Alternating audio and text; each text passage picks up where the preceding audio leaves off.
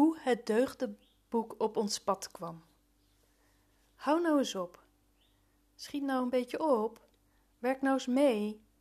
Toen Daan twee jaar oud was, waren we regelmatig ongeduldig met elkaar. Of misschien beter gezegd, ik met hem.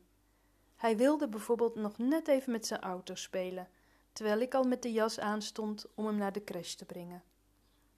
Of had ik hem eindelijk zover dat hij zijn autootjes losliet, dan wilde hij nog een bloem voor me plukken in de tuin. En wilde ik hem in zijn zitje op de fiets stillen, dan zei hij: Kan ik zelf wel? Of bij het aankleden: Deze trui wil ik niet hoor. En zo ging het soms de hele dag door. Daan maakte er gelukkig geen drama van als iets niet kon gaan zoals hij wilde. Hij legde zich er vrij gemakkelijk bij neer. Wat dat betreft had ik een gemakkelijk kind. Hij bedacht gewoon tientallen nieuwe ideetjes. En daarmee bracht hij mij aan het twijfelen.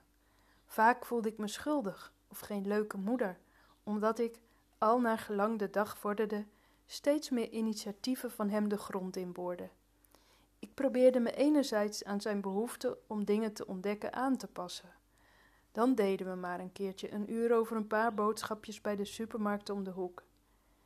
Anderzijds was ik ook heel veel bezig hem uit te leggen waarom zijn plannen niet door konden gaan.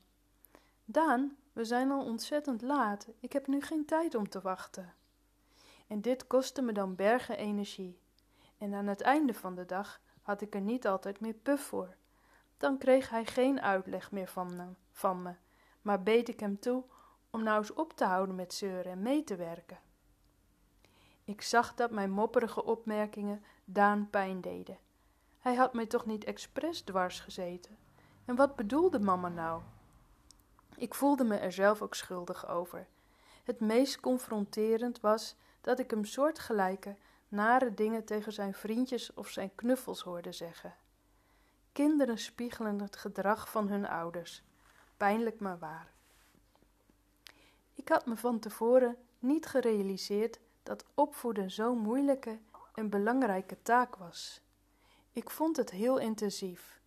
En hoe weet je of je het goed doet?